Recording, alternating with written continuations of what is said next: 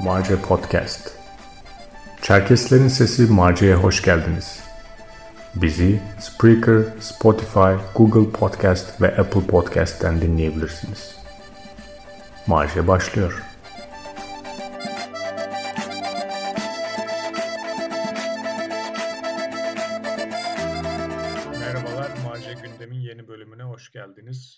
Ara vermiştik kişisel meşguliyetlerden dolayı e, tekrar sizlerle beraberiz. Bugün e, Erdoğan ve Kuban'la beraber yine sıcak gündemi konuşacağız. Aslında daha çok e, Rusya'nın Ukrayna işgali e, işgaliyle beraber e, biraz daha Rusya'yı e, odağımıza almak istiyoruz. Rusya'daki iç dengeler e, bugüne kadar nasıl gelişti? Daha doğrusu Ukrayna'yı işgal etmek gibi bir çılgınlığı Rusya nasıl yaptı? Ee, Rusya'daki kamu otoritesinin bu kadar tek sesli olmasının arka planı neydi? E, biraz bunları konuşmak istiyorum. Otoriter devletleri e, belki ortak özellikleri var ama Rusya'nın da kendine özgü bazı özellikleri var.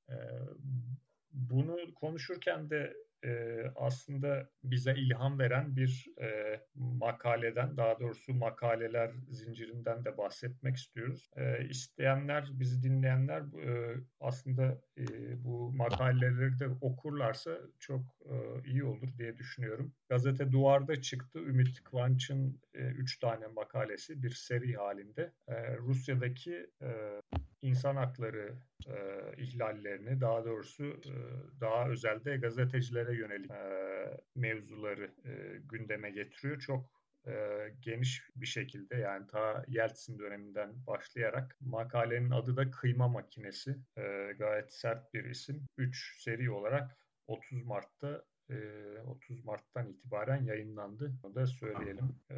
Şimdi Rusya'da neler oldu bugüne kadar? Nasıl başlamak istersiniz arkadaşlar? Sözü vereyim bu girişten sonra. Yani şöyle başlamak lazım belki. Yani bizim bu programı çekerken ki amacımız senin de açıkladığın gibi Rusya bu hale nasıl geldi? Yani bu halden kastım şu. yani e, Rusya'nın iç dengeleri nasıl Putin'in e, etrafında kenetlendi, muhalefet nasıl susturuldu, e, nasıl tek sesli bir ülke haline geldi ve bu tek sesli otoriter rejim tek sesli olduğu için e, medyayı son bir ayda tamamen baskılayarak, sosyal medyayı ya da interneti de tamamen baskılayarak e, Ukrayna'da Ukrayna işgaline nasıl girişti? Onun birazcık arka planını konuşacağız. Aslında Ümit Kıvanç'a referans vermen e, güzel oldu çünkü e, Ümit Kıvanç çok değerli bir şey yapmış bence. E, aslında yaptığı şey derleme. Uluslararası Gazeteciler Federasyonu ÜFJ'nin e, yaptığı geniş çaplı araştırmaya dayanıyor çoğu bilgisi ve e, Rusya'daki gazeteci cinayetleri. Rusya merkezde ve periferide yani Kafkasya'da çoğu zaten cinayet yazılara bakanlar da görecektir kıyma makinesi serisine. E, çoğu cinayet ve e, suikast, öldürme e, faaliyeti e, Kafkasya merkezde. Çünkü Rusya'nın en e, antidemokratik uygulamalarının merkezden çok daha ağır yaşandığı bir bölge. E, Kafkasya hepimizin bildiği gibi. E, dediğin gibi Boris Yeltsin döneminden başlıyor ama Putin dönemine odaklanıyor. Çünkü Putin döneminin gelgitleriyle birlikte o Medvedev Putin değişimleriyle e, birlikte onları da içine kapsayan bir süreçte bu baskı mekanizmaları çok ciddi şekilde arttı. Burada aslında konuştuğumuz şey otoriter rejimlerin şekli şemali. Yani otoriter rejimler nasıl e, basın varmış gibi yapıp basını yok ediyorlar. Normalde basın varmış gibi gözüküyor şimdi değil mi? Gazeteler var ama hepsi e, hükümetin sesi, hepsi Rusya'nın sesi yani devletin sesi. E, ama insan hakları dernekleri tamamen baskılanmış durumda ki son 10 yılda neredeyse tamamı kapatıldı hele şu savaşla birlikte ve e, rejim kendisini çok güçlü hissetti. Sadece şey anlamda, kamuoyu anlamında çok güçlü hissetti. Gerçi yanıldığı da söyleniyor o anlamda. Çünkü çok savaş karşıtı eylemler hala devam ediyor Rusya'da. E, ama göründüğü kadarıyla çok ciddi bir kamuoyu yok. Burada karşılaştırmayı şöyle e, yapabiliriz belki. 90'larda Çeçen Savaşı vardı. Birinci Çeçenistan Savaşı.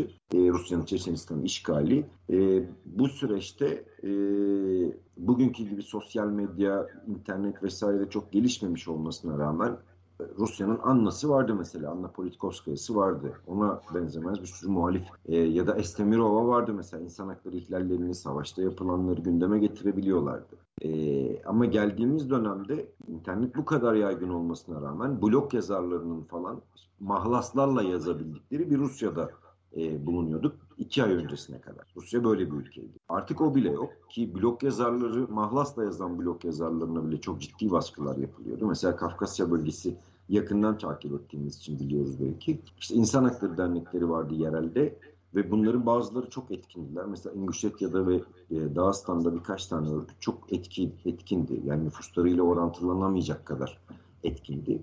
Bunların tamamının yöneticileri şu anda yargılanıyorlar eften püften sebeplerden dolayı. Kimisi işte uyuşturucu kaçakçılığı gibi absürt gerekçeler, kimisi aynı Martin'de olduğu gibi, e, kimisi işte yabancı ajan statüsüne zaten hepsini katıyor Rusya. Ve hepsini kapatabiliyor ki şu anda zaten tamamı kapandı. Memorial vesaire hiçbirinin esamesi okunmuyor. Ve onun ötesinde de Ukrayna'ya karşı bu kadar pervasızca bir operasyona girişebilmesinin sebeplerinden, sivil sebeplerinden, sivil hazırlıklarından, sivil e, yol temizliklerinden bir tanesi aslında. Medya ve e, şeye e, insan haklarına da derneklerine yapılan baskılar. Burada tabii bir sürü karşılaştırma yapabiliriz. Türkiye-Rusya karşılaştırması yapabiliriz. Rusya-Batı karşılaştırması yapabiliriz. Bunları da yapalım ama merkezinde Rusya'nın olduğu e, bir, bir bakış açısıyla e, şu anki görüntü bu maalesef. Peki şöyle bir soruyla ben e, Rusya Ukrayna'ya girmeden e, işte e, Putin iki küsür saatlik bir konuşma yaptı. Bunun öncesinde de bazı argümanlar sonrasında yani hemen işgal sonrasında da bazı argümanlar duyduk Rusya'dan daha doğrusu Rusya'daki Putin rejiminden. E, bunların bir takım e, bazıları diyelim e, aslında batıdaki muadilleriyle benzerdi. Yani mesela nasıl ki Amerika Irak o işgaline girişmeden e, uydurma bazı argümanlar seslendirdiyse e, Rusya da e, Ukrayna işgalinden önce işte yok orada kimyasal biyolojik silah yapıyorlar. E, bunlar e, rejim Nazilerin elinde. Böyle işte baskı var e, Rusça konuşanlara karşı falan. E, yani baskı yoktur manasında demiyorum ama hani bunları işgali gerektirecek kadar ciddi o güvenilir hiçbir kaynakta okumadım. E, bu takım bir argümanlar var. Peki Rusya'nın e, Batı'dan farkı ne? Yani Batı'daki bu savaş önce uydurulan ve işte bir şekilde e, kamuoyuna, e, kamuoyunu ikna için kullanılan propaganda dışında Rusya'nın Batı'dan farkı ne? İçerideki senin tabirinde temizlik nasıl yapıldı e, ve e, ne tür e, aparatlarla yapıldı? Ya Rusya'nın herhalde en büyük farkı otoriter yapısı. Yani Batı'nın da bizim hep bahsettiğimiz gibi süper demokratik bir e, çerçeveye sahip olduğunu söylemek pek mümkün değil aslında. Böyle derinlemesine bir analiz yapıldığında orada da antidemokratik pek çok şey bulmak mümkün. Hatta birbirine e, çok fazla benzeyen e, bir sürü ortak özellikte bulunabilir. Hemen şeyi hatırlayalım örneğin. Suriyeli mültecilerin Avrupa'ya girişleri sırasında e, sınırı geçmeye çalışan insanların ayağına çelme takan gazeteciler vardı mesela. Hani bunlar da Avrupa'nın bir parçası. Avrupa'da sonuçta çok insani boyutları e, maksimum düzeyde olan e, yerler değil. Fakat Rusya Avrupa ile kıyaslanamayacak kadar otoriter bir yapıya sahip. Tabi otoriter ve diktatör ayrımını da yapmak gerekir belki burada. Diktatörlük dediğimiz şey total bir sistem olarak başka hiçbir şeye izin vermeyen bir devlet yapılanması iken otoriter olunca daha çok ve bir zümrenin ya da bir e, lider kişiliğin sisteme kendi e, e, düşüncelerini e, dayatarak e, onu yürütmesi hali. Tam olarak Rusya yani Kuzey Kore ile Rusya'yı bu ikisini örnek olarak verebiliriz. Kuzey Kore diktatöryel bir ülkeyken Rusya, e, Türkiye'de kısmen öyle otoriteryen ülkeler. Hani buralar otoriter ülkeler. Şimdi nasıl bu hale geldi? İşte bu otoriter e, ülkelerde diktatör diktatörlüklerde olduğu gibi e, her şey devletin kontrolünde olmadığı için e, her türlü baskı aracını kullanarak bu bazen ekonomik, bazen e, yasal soruşturmalar yoluyla, bazen başka türlü sosyal baskılar yoluyla vesaire basını susturmak, kendi istediği gibi toplumu yönlendirecek kanalları açmak vesaire şeklinde ilerliyor. Ee, herhalde en önemli şeylerinden birisi de bunların ekonomik olanlarıdır. Yani e, Avrupa'da da buna rastlamak mümkün. E, baktığımızda işte Amerika'da da öyledir, Türkiye'de de öyledir. Bütün büyük medya kuruluşlarının, büyük sermaye gruplarının ya da işte zengin oligarkların vesaire elinde olduğu bir yapı. Rusya'da herhalde e, bütün büyük medya kuruluşlarına baktığımızda ya devlet kontrolünde e, olduğunu görürüz bunların ya da oligarkların kontrolünde olduğunu görürüz. Başka bir şey pek mümkün değil. E, öyle olmayan birkaç tane gazete de e, Kuba'nın söylediği gibi yabancı ajan statüsünde artık görüldüğü için neredeyse çalışamaz hale getirildi. İşte Novaya gazetede olduğu gibi Muratov'un gazetesi bu Nobel gazetecilik ödülünü alan Muratov'un gazetesinde olduğu gibi yani nasıl bu hale geldiğinin cevabı herhalde bu olsa gerek. Yani daha çok ekonomik güç olmak üzere medya üzerindeki e, her türlü aracı kullanarak onların kendi kontrollerine girmelerin girmesini sağlayan bir sistem söz konusu. E, tabii Rusya'nın bir de kendi geçmişinden kaynaklı özel bir durumu var.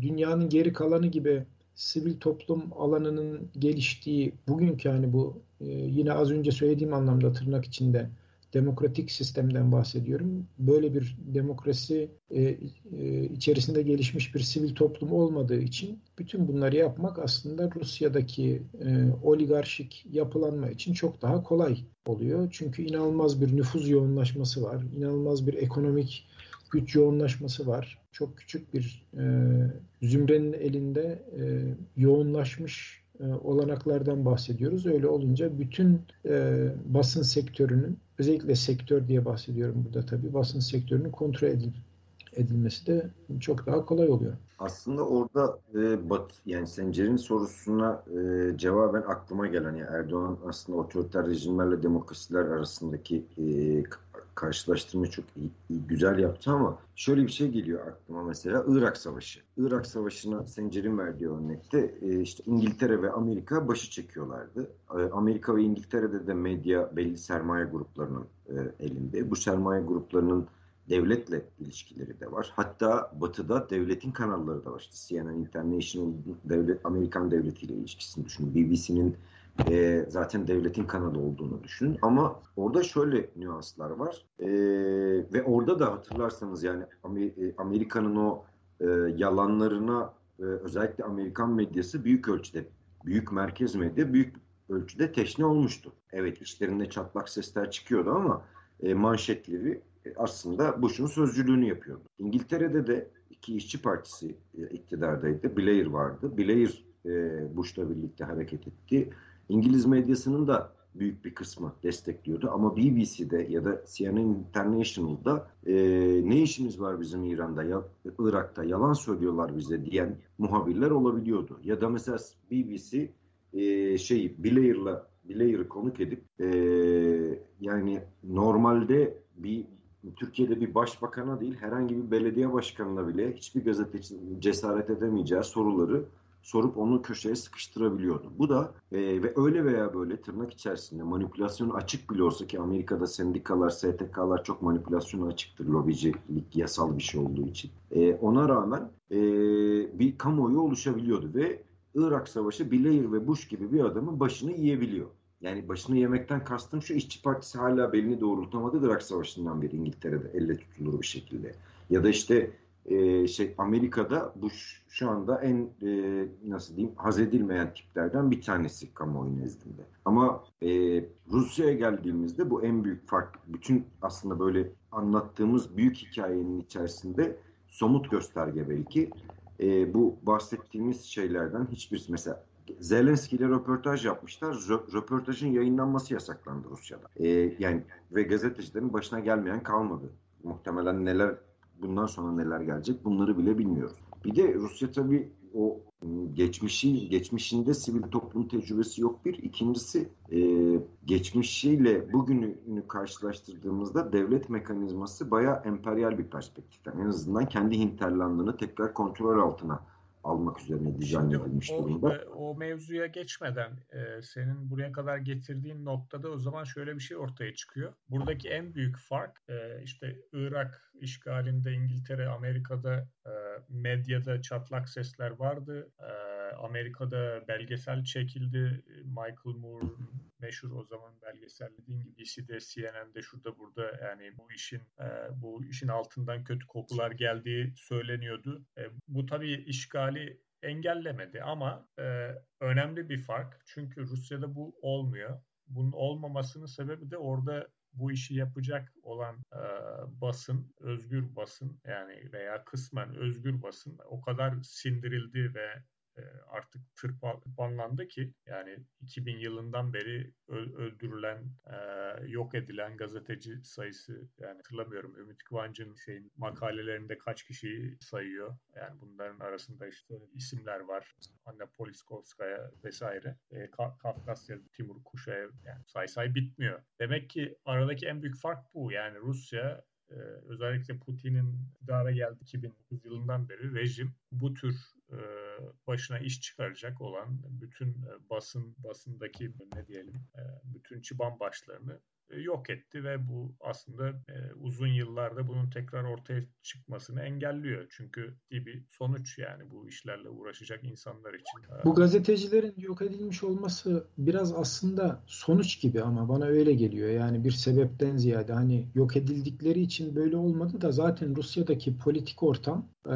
böyle bir sonuç yarattı. Şimdi Avrupa'ya baktığımızda örneğin bugün bile mesela BBC ile ilgili İngiltere kamuoyunda ve siyasi e, çevrelerde inanılmaz bir tartışma var. BBC'nin devlet desteklerinin kesilmesi çünkü BBC'nin son zamanlarda editoryal bağımsızlığını kaybettiği, taraf tuttuğu, özellikle Brexit konusunda taraf tuttuğu, toplumu yönlendirmeye çalıştığı vesaire gibi bazı eleştiriler yapılıyor. Şimdi bu eleştiriler yapılıyor çünkü İngiltere'de birbirine karşıt birbirine muhalif zaman zaman biri iktidara geçtiğinde diğeri muhalefette kalan farklı siyasal partiler ve gruplar var. Ama Rusya'da öyle bir şey söz konusu değil. Rusya'da zaten politik olarak da muhalefet tamamen susturulmuş durumda. Dolayısıyla e, toplumun herhangi bir alanında bu tartışma yürütüldüğünde e, onlara siyasal alanda ya da devletin mekanizmaları içerisinde arka çıkacak herhangi bir e, güç odağı da yok. Yani böyle bir gazeteci, tarafsız gazetecilik e, yapısının ortaya çıkabilmesini sağlayacak bir bir durum yok yani Rusya'da. En büyük problem aslında Rusya'daki bu. Yani otoriter de, dediğimiz zaman bunun başka alanlardaki etkilerini de görebilmek gerekiyor. Yani gazeteciler öldürüldüğü için ses çıkmıyordan ziyade Rusya otoriter bir ülke olduğu için ve hiçbir şekilde siyasal alanda da muhalefete izin vermeyen bir e, otoriter yapı olduğu için e, bunun medyadaki yansıması da bu şekilde ortaya çıkıyor. Yani hasbel kadar iyi gazeteciler çıkıp gerçeği insanların önüne koymaya çalıştıklarında e, bunları başka türlü baskı mekanizmalarıyla yok edemediği için fiziksel olarak ortadan kaldırmayı tercih ediyor ya da çözümü onda buluyor.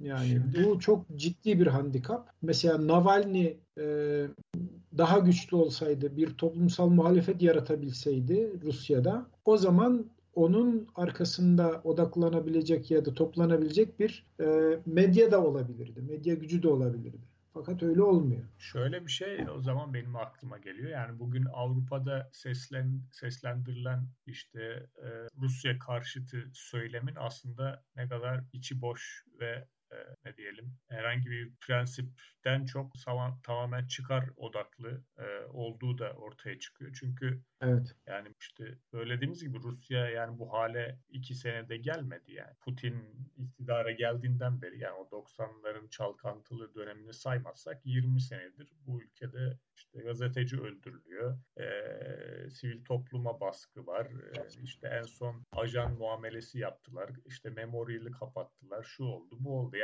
bunların hiçbirine gerçek manada bir ses çıkarmayan Batı bugün e, artık yani sıcak çatışma Avrupa'nın kıyısında bir sıcak çatışmaya evrildiği zaman e, işte demokrasi, vay işte barbar Ruslar falan demeye başladı. Bu aslında iki yüzlü bir şey yani bu, bu, bu da görülüyor. E, burada Batı'nın kendini biraz sorgulaması ve aslında e, aman bize dokunmayan yılan bin yaşasından çıkması lazım ama bu da maalesef As çok e, gelmiyor bana en azından kendi yaşadığım Almanya özelinde olacak gibi görmüyorum. Hatta bugün bile işte yavrusu gazını hemen kesmeyelim yoksa Alman ekonomisi şu kadar küçülür falan hesabı yapılıyor. Yani öyle Ukrayna'da kimler ölüyorun hesabını yaptıklarını ben zannetmiyorum. Abi aslında yani Rusya Rusya'nın Ukrayna işgali bu e, bütün iki yüzlükleri çok görünür hale getirdi belki ama zaten Batı'nın perspektifi bakış açısı böyle yani sadece Avrupa'nın değil Amerika'nın da Avrupa'nın da yani e, o demokratik olarak kodladığımız ya da kendi içinde demokratik o biraz önce bahsettiğimiz devletin kanalında bile devlete muhalefet edilebilen ülkelerde bile e, şey var yani diğer ülkelerle ilişkilerinde çıkarları tabii ki ön planda o insani, insan hakları vesaire rafa kalkabiliyor. Onun en basit örneği işte e, Amerika bütün dünyaya demokrasi satıyor sözde. Suudi Arabistan bir numaralı e, iş ortağı. E, ya da e, şey Almanya mesela çok demokratik bir ülke olarak gözüküyor ya da Fransa Katar'da Katar'la e, şey Katar'ın Orta Doğu'daki siyasetinde Katar'ın en büyük arkasında duran ekonomik çıkarları olduğu için Almanya olabiliyor. Ama işte bu pozisyonda çok fazla görünür oldu bu Rusya meselesinde. Yani o ikiyüzlülük hikayesi tamamen. Ya şu da ikiyüzlülük değil mi? Mesela e, yıllarca Rusya ile Avrupa'da en çok didişen, en çok arası bozuk olan ülke İngiltere değil mi? Yani ve Avrupa'nın en güçlü ülkesi aslında. Adamın ülkesinde iki eski imparatorluk bakiyesi Avrupa'nın en güçlü ülkesi. Avrupa'dan ayrılsa bile e, ekonomisine bir şey olmayan ülke, finans merkezi falan. Adamın ülkesinde Litvinenko'yu zehirlediler. İki tane diplomat göndermekle kaldı. Ticaretine hiçbir şey dokundurmadı. Yani o ikiyüzlülük çok ayyuka çıkmış durumda ama şöyle bir şey de var. Artık dediğin gibi Avrupa'nın dibinde bir operasyon yaptığında Rusya artık e, kamuoyu e, yani şey nasıl diyeyim e, o ekonomik çıkarların devletlerin çıkarlarının ötesinde kamuoyunda çok ciddi bir tedirginlik olmaya başlıyor. Zaten devletleri buna mecbur kılan da o. Hatta bir okumadan da e, Ukrayna'nın oynadığı da devletler değil aslında Batı kamuoyu. Yani Zelenski'nin yaptığı e, açıklamaların vesairenin o batıya yaptığı baskının ya da işte bugün Birleşmiş Milletler Güvenlik Konseyi'nde konuşmuş herhalde. Bayağı sert de konuşmuş. Orada muhatabı oradaki diplomatlar değil yani. Batı kamuoyu. Çünkü o Batı kamuoyuna hitap edip de kendisini koruyabileceğini düşünüyor artık. Aslında Çünkü orada o... kamuoyu dediğimiz şey Batı'da şöyle bir fark var belki Rusya ile karşılaştığımızda. E, kamuoyu hala çok etkin. Yani e, bir hata yaptığında iktidar onun bedelini seçimde ödeyebiliyor. Şimdi otoriter rejimlerde mesela Türkiye'de böyle bir şey olmuyor. Rusya'da böyle bir şey olmuyor abi. Yani e, manipülasyona çok açık. Mesela Türkiye mesela hiç konuşmadık belki ama çok da benzer değil mi aslında? Yani Türkiye'de de medya aslında devletin tek elinde değil değil mi? İş adamlarının tek elinde. Devletten ihale alan iş adamlarının tek elinde. Rusya'da Gazprom'un medya, medyanın Gazprom'un elinde olmasıyla hiçbir farkı yok aslında. Hatta daha şey yani Gazprom en azından devletle ortaklığı var. Bunlar tamamen bağımsız bir kişiye bağlılar. İstedikleri manipülasyonu yapabiliyorlar. Ama Türkiye'de bile öyle veya böyle Rusya ile karşılaştırdığımız ve sosyal medyada alternatif e, web sitelerinde falan bir hareketlilik olabiliyor. Ama Rusya şu son seçim şeyle birlikte yani Ukrayna meselesiyle birlikte bunun tamamen önünü kapatmış durumda. Ne kadar sürdürülebilir olduğunu ayrıca tartışmak lazım belki. Çünkü orada da kayna, kaynayan bir e, süreç var. Ama temel mesele aslında siyasetin ve muhalefetin alanının olmadığı bir ülkede medyaya baskı yapmakta, gazetecileri öldürmekte e, sonuç veya sebep desek de çok kolay. Yani e, ve bu şey dedi yani ülkenin kendi içinden e, bir tepki olmadığı takdirde e, Batı'nın yaptıkları ya da başka ülkelerin yaptığı baskıların çok bir kerameti yok. Avrupa İnsan Hakları Mahkemesi'nin en çok mahkum olan ülke Rusya. Dünya kadar para ödüyor. Artık yani zaten o, o, o iş hatırlatalım. E, olamayacak yok. çünkü çekildi konseyden. Yok çekildi de yani bunun bir etkisi yoktu Rusya. Yapacağını yine yapıyordu. Türkiye'ye Orada e, Batı'nın yok, baskısı, aynen. Batı'nın baskısı da ilişkileri kopartmak, ticaretini kopartmak değil. Avrupa İnsan Hakları Mahkemesi'nde Yani milyarlarca dolar para kazandı Rusya'ya. 2 milyon dolar para versin Avrupa İnsan Hakları Mahkemesi'ne. Ben görevimi yaptım da böyle şey böyle bir demokratik perspektif ya da ilkeli bir duruş ya da çıkarları öncelemeyen bir duruş olmaz zaten. Batı'nın perspektifi o ama e, Rusya'nın gidişatı da bugüne gelirken en azından sivil alanda e, he, yani dediğim gibi sonuç da desek, sebep de desek bugün Ukrayna Savaşı'nda sesin bu kadar kısıtlı çıkmasının sebeplerinden bir tanesi de bu gazetecilerin olmaması. Hatta bu gazetecilerin olmamasının ötesinde mesela onu konuşuruz demiştik ama çok değinemedik herhalde. Rusya'nın periferisinde yani özellikle Kafkasya'da vesairede e, bu gazetecilerin baskılanması ya da sivil toplumun baskılanması herhalde St. Petersburg'dan ya da Moskova'dan çok daha e, rigid, çok daha sert oluyor. Çünkü ben Moskova'da hiç görmedim yani e, bir muhalifin ailesinin e, müstehcen fotoğraflarının işkenceyle çekilip adamın kendisine gönderilmesi falan ama Çeçenistan'da bunları yaşadık yani yakın zamanda. Evet.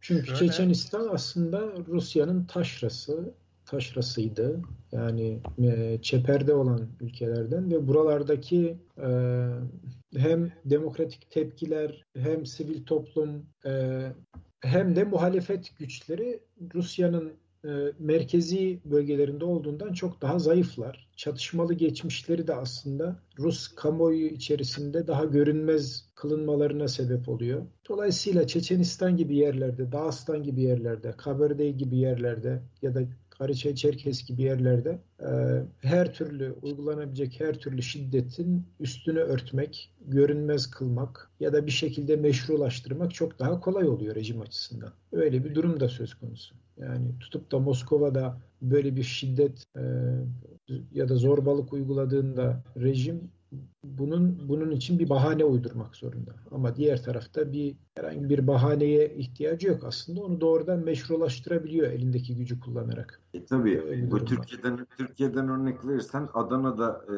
insan hakları ihlali yaparken bahane uydurman lazım ama Aynen Diyarbakır, Şırnak'ta öyle bir şeye ihtiyacın yok. Aynen, aynen öyle. Yani çünkü insanlar da zaten aslında buna teşneler. Hani e, ülke, ülkede e, her yerde meydana gelen olaylar e, insanların kafasında aynı şekilde kodlanmıyor. Yani tarihsel bir arka plan üzerine kodlanıyor. O yüzden kim zaman meşrulaştırma ihtiyacı varken kimi zaman olmayabiliyor yani. O analoji şey şeye de uyuyor. yani bu Kadirovski denilen eli silahlı gruba da uyuyor. Bizdeki korucu sistemine benzer bir şey var galiba orada da yani. İşte, e, dağdaki Kürtle benim Kürdüm veya işte terörist Çeçenle benim Çeçenim şeklinde evet. analojide kurulabilir. Yani kiminin eline silah veriyorsun. İşte teröristi bulursan vur diyorsun. E karşısındaki adamı vuracaksa birisi yani kamu otoritesi haricinde birilerinin elinde silah varsa onun karşısındakinin de elinde silah olacak yani başka şey yok. Evet. Kim kimi vurursa artık. E, burada şimdi e, Rusya'yı Rusya'da bir sivil muhalefetin gelişmemesi ki e, basının artık e, kendi işlevini yerine getirememesi söz konusu. E, bu konuda da 20 senedir e, neredeyse aynı tempoda bir baskı söz konusu e, devlet tarafından. Hatta işte Ümit Kıvanç'ın e, yazısındaki gibi resmen kıyma makinesi gibi önlerine geleni, canlarını sıkanı yok eden, öldüren bir rejim söz konusu. Bu rejim de bugüne kadar e, dışarıya Avrupa'ya gaz vermek koşuluyla e, maruz göründü. E, bugün şimdi Can Hıraş vay işte Rusya nasıl saldırır Ukrayna'ya demenin de bir manası yok. E, açıkçası yarın bu işten sıyrılırsa ne bileyim ben Litvanya'ya da saldırır, Polonya'ya da saldırır. Zaten bunun sinyallerini de veriyorlar yani. Hani böyle çok şaşılacak bir şey. Geçenlerde Medvedev e, Polonya halkına yönelik bir mektup yazdı. Ee, aslında Putin'in Ukrayna işgalinden önce yaptığı o iki saatlik konuşmaya çok andıran e, yine böyle tarihsel bazı şeylere vurgu yapan e, Rusya'nın e, emperyal vizyonu da aslında yansıtan bir mektuptu. E, burada ben bir de şöyle bir şey görüyorum. E, Rusya'nın mevzuyu böyle sıcak çatışmaya e, getirmesi aslında bir yönden de bana kaçınılmaz geliyor. Çünkü Batı'yla başka bir düzlemde baş etme şansı pek yok. Yani ekonomik düzlemde, e, pazar payı almak vesaire, e, tekel oluşturmak bazı konularda e, bu düzlemlerde hiçbir şansı yok Rusya'nın. Yani sadece topraktan çıkardığı şeyi satıyor ve ordusunu belli bir güçte e, tutuyor. E, elinde nükleer silahlar var. E, dolayısıyla aslında çatışma düzlemini jeopolitik düzleme getirmesi e, kendi açısından tutarlı. E, ama bu iş nerede sol, sonlanabilir? E, bunun e, Kafkasya'ya nasıl etkileri olabilir? Derseniz bunu da konuşalım e, kafamı bu hafta. Valla aslında Kafkas, Kafkasya etkileri e, Rusya'ya sürecin nasıl etkisi olacağıyla e, otomatik yani direkt bağlantılı. Rusya'da Putin rejimi bu işten e, nasıl diyeyim senin dediğin gibi sıyrılırsa ki bana böyle çok kolay sıyrılabilecekmiş gibi gelmiyor e, açıkçası. Sıyrılabilirse ve e, rejimi ayakta tutarsa daha otoriter bir şekilde gelecek tabii Kafkasya etkileri. Bütün Rusya olduğu gibi. En azından yani şu son bir buçuk ayda gerçek Rusya içerisinde gerçekleştirilen antidemokratik uygulamaların geri alınması bile bir buçuk iki sene sürer. Yani geri verilmesi bile alınması değil alınması için toplumsal muhalefet yok belki ama yani bu sürecin açılması bile e, en az bir buçuk iki sene sürer. Ama e, burada çok fazla hırpalanmış bir Rusya'nın Rusya'da rejimin e, masaya oturduğunda güçsüz bir güçsüz bir şekilde masaya oturacak bir rejimin orta vadede en azından belli noktalarda e, demokratik demeyeyim yani kısmen sivil toplumun önünü açacak e, adımlar atmak zorunda kalması da bir ihtimal Putin olsa da olmasa da bir ihtimal. E, ama dediğim gibi o Kafkasya etkileri Kafkasya'nın kendi dinamikleriyle etkileyebileceği bir süreçten bahsetmiyoruz çünkü. Rusya'da, Moskova'da ne olursa Kafkasya'da o şekilde etkilenecek. Olumlu veya olumsuz. Ya ben açıkçası bu sürecin sonucunda Rusya'da böyle demokratik bir süreç e, savaşın sonucu ne olursa olsun olabileceğini düşünmüyorum. Yani her türlü kötü senaryo. Birinci senaryo bu savaştan daha güçlü çıkabilir rejim.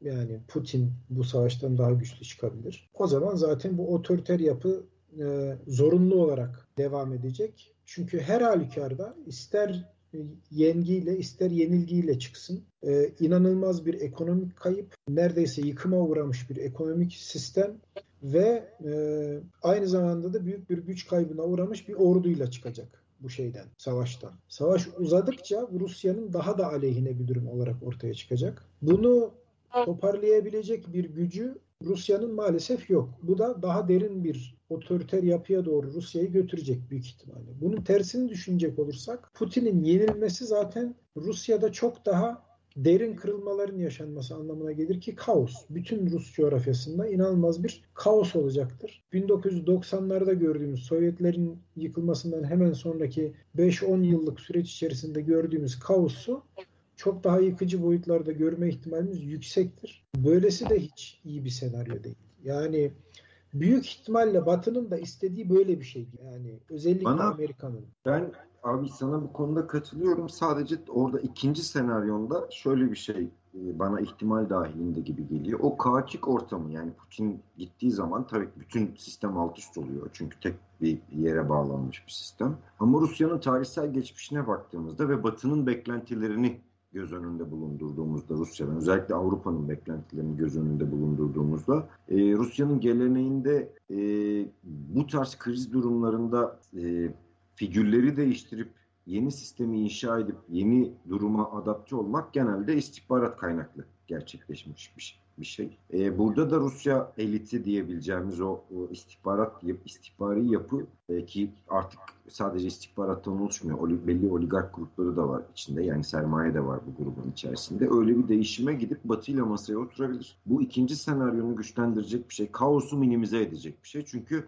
bence Avrupa o kadar kaotik, kaotik bir Rusya'yı karşısında istemiyor. Çünkü ticaret yapacak onlar. Ve e, kısmen demokratik dememin sebebi o şey değil. Yani Rusya'da Putin gitti hadi her şey güllük gülistanlık oldu değil. Ama en azından yani belli STK'ların açıldığı tekrar orta vadede hemen demiyorum. Belli medya organlarının kurulabildiği, internetin birazcık daha e, kullanılabilir hale geldiği bir e, rejimin kısmen topluma e, açıldığı toplumun açıldığı daha doğrusu bir sisteme gidebilir. İkinci senaryonun o kaos durumunu bence Batı'nın istemediğini düşünüyorum. Yenilmiş bir Rusya'nın e, kaotik bir sürece sürüklenmesini Batı istemez ve şeyde e, sistemde kendisini yeni sürece adapte edermiş gibi geliyor bana. Çünkü daha önce benzer durumları yaşadık. Bu tabii dediğim gibi Rusya masaya oturdu, yenik oturdu. Hemen olacak bir şey değil e, ve yenik oturacağı da şu anda tam olarak garanti değil yani. Bir sürü senaryo var karşımızda. Ama şu bir gerçek e, 90'larla yani programın başında da değinmiştik. E, 90'larla karşılaştırdığımızda Rusya'da çok büyük para birikmiş durumda durumda idi. E, ama e, bunu e, böyle saçma sapan emperyal hırslara e, harcarken yani Orta Doğu'da Avrupa'da faşist partilerle ilişki kurarak onları fonlayarak falan harcarken e, ordusunu bile e, dizayn edememiş bir Rusya varmış aslında karşımızda yani. Çok, e, çok böyle Rusya açısından da vahim bir tablo bu. Ordusunu dizayn edememiş, istihbaratını kuramamış yani e, Ukrayna'da neyle karşılaşacağını öngörememiş bir e, Putin rejimiyle rejimiyle karşı karşıya kaldık son bir buçuk ayda ve şu anda dediğin gibi aslında savaşın uzaması en çok e, Rusya'ya zarar, en çok aslında Putin'e zarar veriyor şu anda.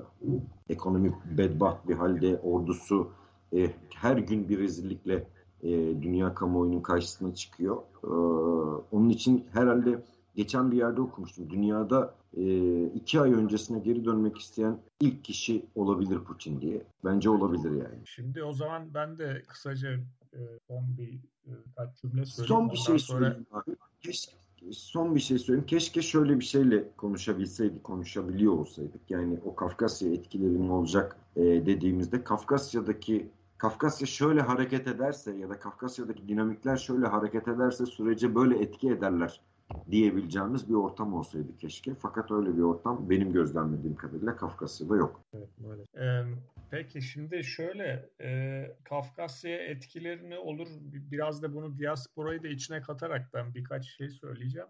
Ee, birincisi bugün şu anda gördüğümüz bazı sinyaller var. Bunlar işte e, Güney Osetya'da ve Abhazya'da e, Rusya'ya katılmak için referandum olacağı söyleniyor ama bu biraz daha Rusya kaynaklı. Daha doğrusu Rusya'nın kendi e, parlamentosunda böyle e, bazı öneriler var. E, buna e, bir e, eko olarak Güney Osetya'dan Güney Osetya'nın e, tırnak içinde devlet başkanı e, olumlu bir yanıt verdi.